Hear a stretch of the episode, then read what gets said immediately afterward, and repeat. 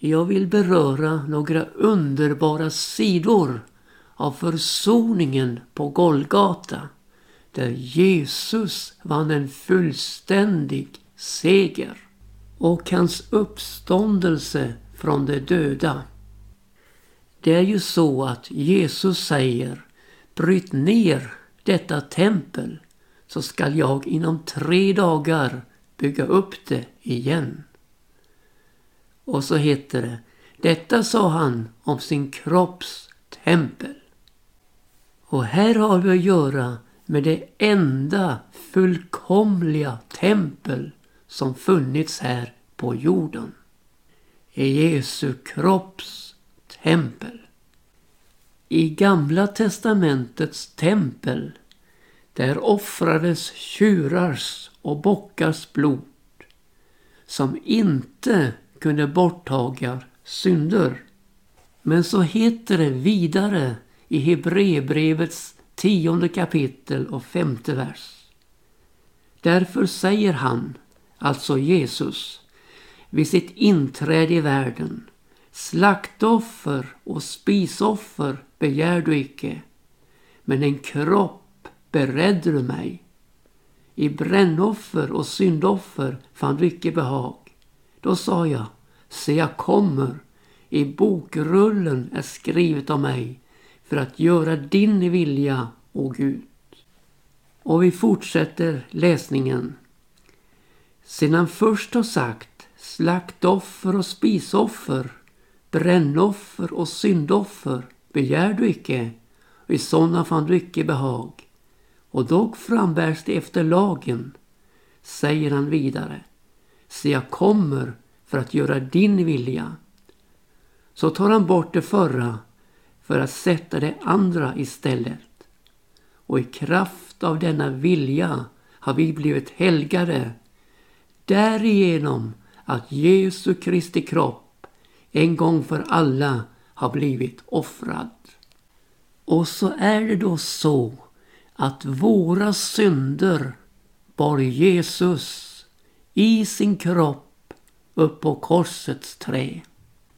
Templet det bröts ner för våra synder. Rättfärdig led han för orättfärdiga. Men templet, Jesu kropp, uppbyggdes igen i en uppståndelse från de döda på tredje dagen för att vi skulle få del av hans rättfärdighet hela världens samlade synd. Din och min synd blev indraget i templet.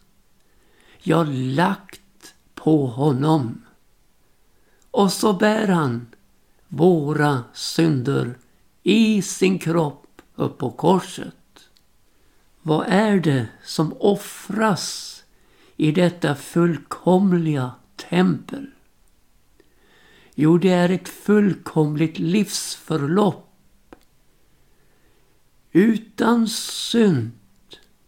Han hade ingen synd gjort och inget svek fanns i hans mun. Och hans blod, hans dyrbara blod flyter till försoning för våra synder. Jesus, han älskade oss medan vi ännu var syndare. Och Jesus, han älskar syndare. Han är syndares vän. Därav detta enorma offer som blev givet på Golgata. I hans kropps tempel finns ett altare, nämligen hans hjärta varifrån livet utgår. Där varje hjärtslag, ja varje puls slår för syndaren. I utgivande kärlek, där hans renande blod utspringer för att flyta genom hans kropp, ut genom hans sår som en reningsflod till en fallen värld, ja till syndaren med förlåtelse och rening från synden. För Jesu Kristi, Guds sons blod, renar från all synd. I Johannes 19 kapitel och den 30 versen möter oss det underbaraste och mäktigaste triumfrop som någonsin uttalats. Det heter Det är fullbordat. Guds lag var fullständigt uppfylld och offret för våra synder var givet. Ett offer en gång för alla och en fullkomlig försoningstjänst hade nått sin fullbordan. Och i samma kapitel får vi veta hur krigsmännen delar hans kläder mellan sig och kastar lott om hans klädnad. Låt oss läsa från den 23 versen här i det 19 kapitlet i Johannes. Då nu krigsmännen hade korsfäst Jesus tog de hans kläder och delade dem i fyra delar, en del åt var krigsman. Också livklädaren tog de, men livklädaren hade inga sömmar utan var vävd i ett stycke uppifrån och allt igenom. Därför sa de till varandra, låt oss icke skära sönder den, utan kasta lott om vilken den skall tillhöra. Ty skriftens ord skulle fullbordas. De delade mina kläder mellan sig och kastade lott om min klädnad. Så gjorde nu krigsmännen.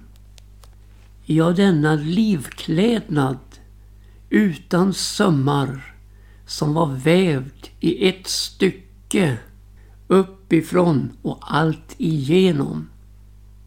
Den var närmast Jesu kropp och talar om hans heltäckande tjänst. Ja, ett stycke utan sömmar. Ja, mer än så. Vävd i ett stycke uppifrån och allt igenom. Ja, denna tjänst Jesus hade var ett fullbordande av kallelsen uppifrån Fadern. Ty så älskade Gud världen att han utgav sin enfödde son. Men inte bara uppifrån utan vi läste Alltigenom, i den tjänst Gud vävde samman för Jesus fanns inga trådar nerifrån. Utan alltigenom var det ett utslag, ja ett uttryck av Guds utgivande kärlek till oss människor. Vilken livklädnad, vilken tjänst, vilket fullbordande av Jesus. I denna tjänst ingår också en förbönstjänst utan dess like. Jesus beder Fader förlåt dem, till de vet icke vad de gör. Vi känner till att dagarna innan Golgataverket skedde så säger Jesus till den självsäkre Petrus Jag har bett för dig att din tro inte må bli om intet. Självförtroendet i Petrus liv behövde bytas mot Guds förtröstan och Guds förtroende. Och detta självförtroende blev punkterat där på överste prästens gård. då Petrus förnekar Jesus. Men lika visst blir Guds förtroendet upprättat där på strandbredden. När Petrus får svara på frågorna av Jesus. Älskar du mig, Petrus? Och han upplever där kärlekens och försoningens upprättelse. Och vi kan ana här vad Jesu böneliv betytt i detta sammanhang. Och som möter oss då försoningens räckvidd. Att den når ner på det djupaste planet i Jesu förbönstjänst på Golgata. Fader, förlåt dem, till de vet icke vad de gör. Och vi ser något av försoningens kärna och möter dess innersta väsen i Jesu förbundstjänst på Golgata. Och detta kommer att planteras in i lärjungarnas hjärtan. Vi ser det av Stefanus, den första kristne martyren. När han ger sitt liv för sin tro så ber han Herre tillräkna dem icke denna synd.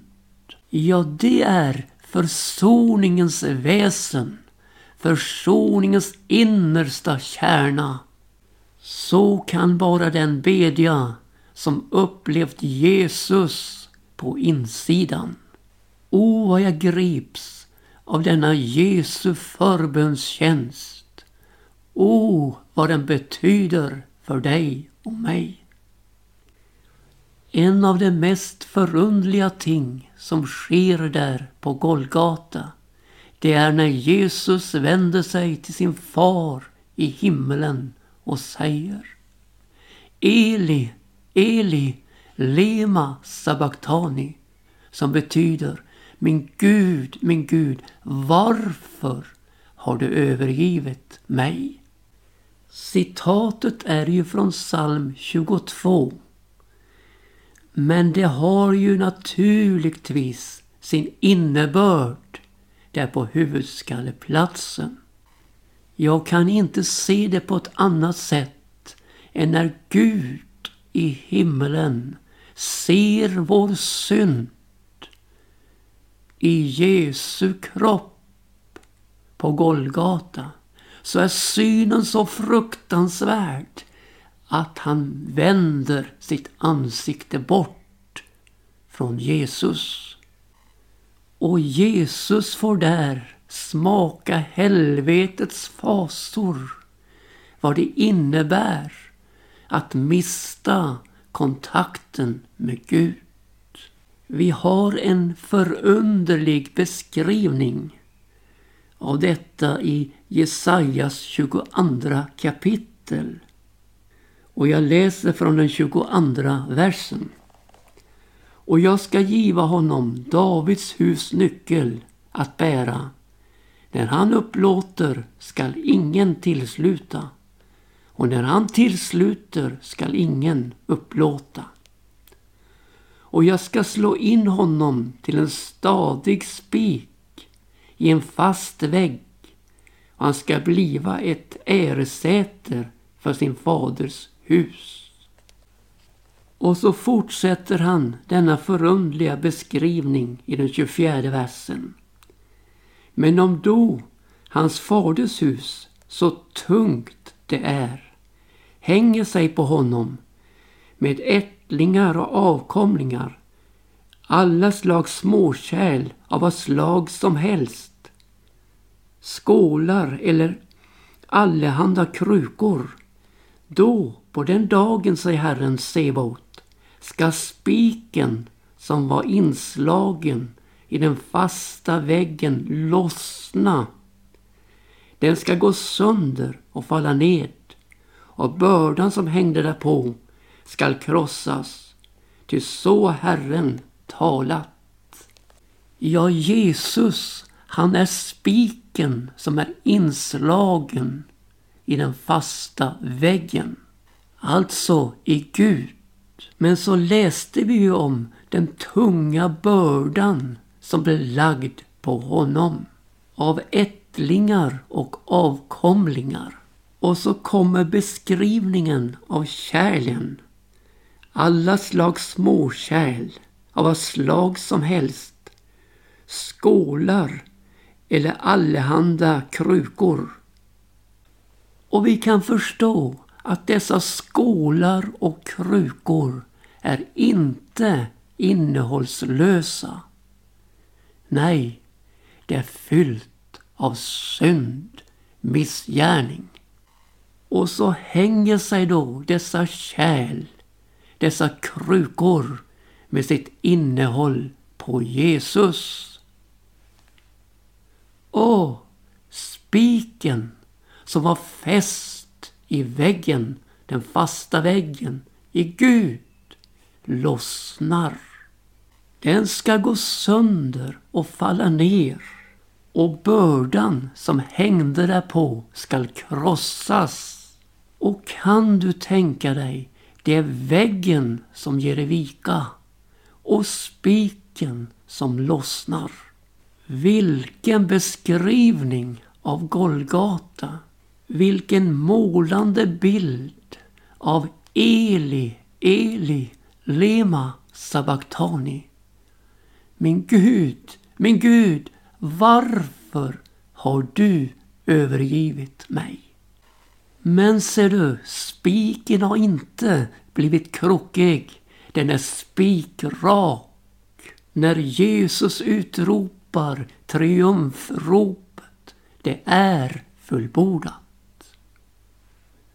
Och vidare, Fader, i dina händer befaller jag min ande. Och så dör han. Ja, spiken, den lossnade på grund av tyngden av våra synder. Men den förs åter in i dödsögonblickets triumf. När Jesus befaller sin ande i Faderns händer. När Jesus, han dör inte skild från Gud utan evigt förenad med honom. Och Faderns hand ska röra vid honom och uppväcka honom på den tredje dagen. När kvinnorna tidigt på morgonen på uppståndelsens dag är på väg till Jesu grav så resonerar man sig emellan och frågar Vem ska låta oss vältra undan stenen till ingången till graven?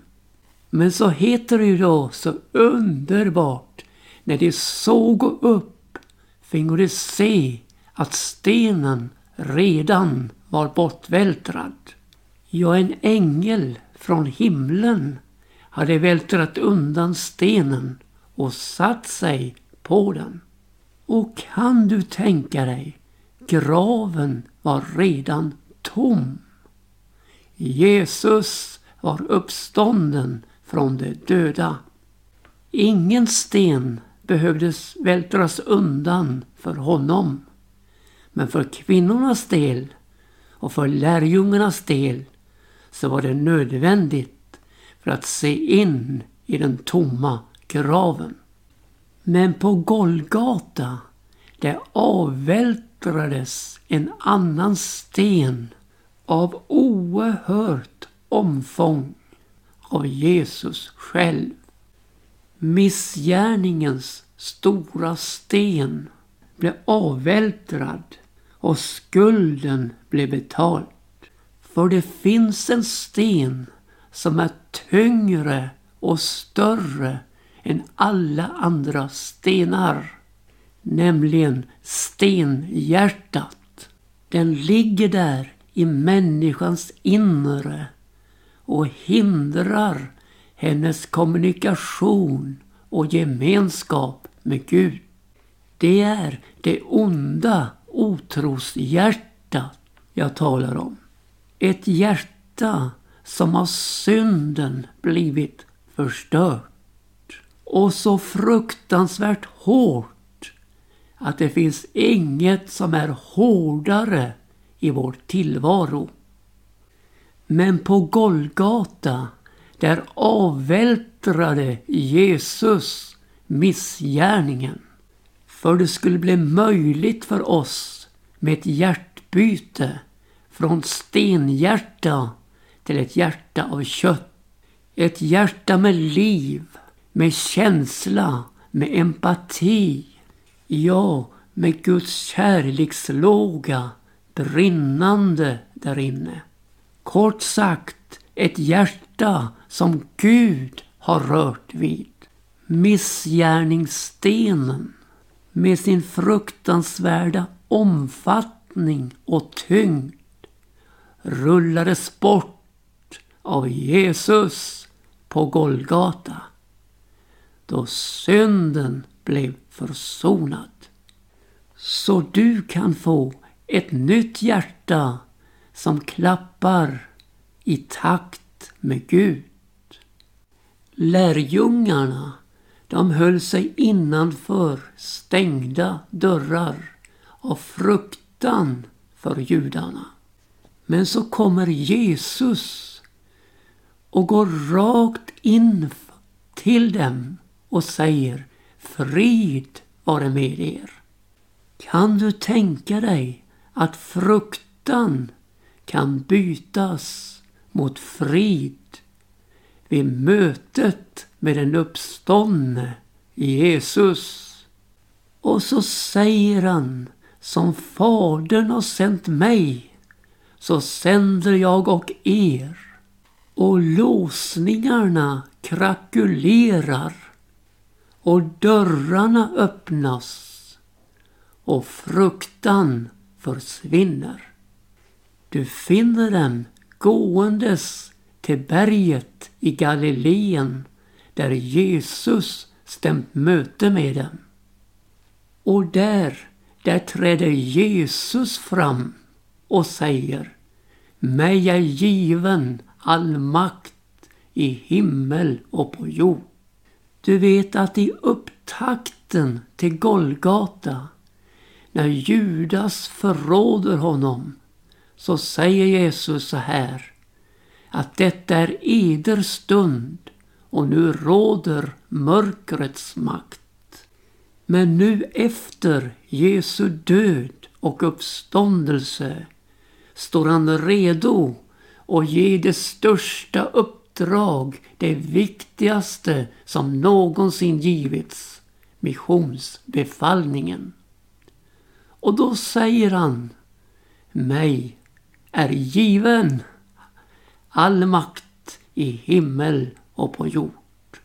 Ja, visst hade det skett en enorm maktförskjutning från mörkrets makt till Jesus.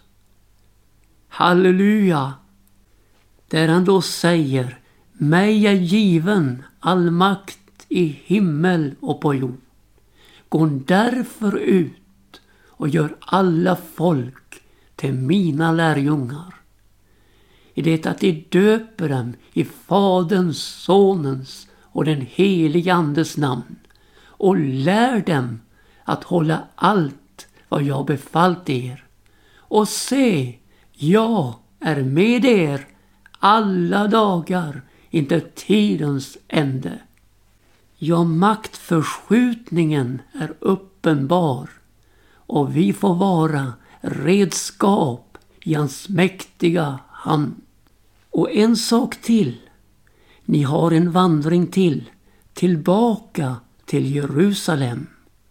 Och bli där i staden till dess ifrån höjden blir beklädda med kraft till att vara mina vittnen säger Jesus. Och så sker undret, den helige Andes utgjutande. Och de fruktande lärjungarna blir frimodiga uppståndelsevittnen för Jesus med försoningens budskap. Och nu kommer en segersång. Halleluja, för seger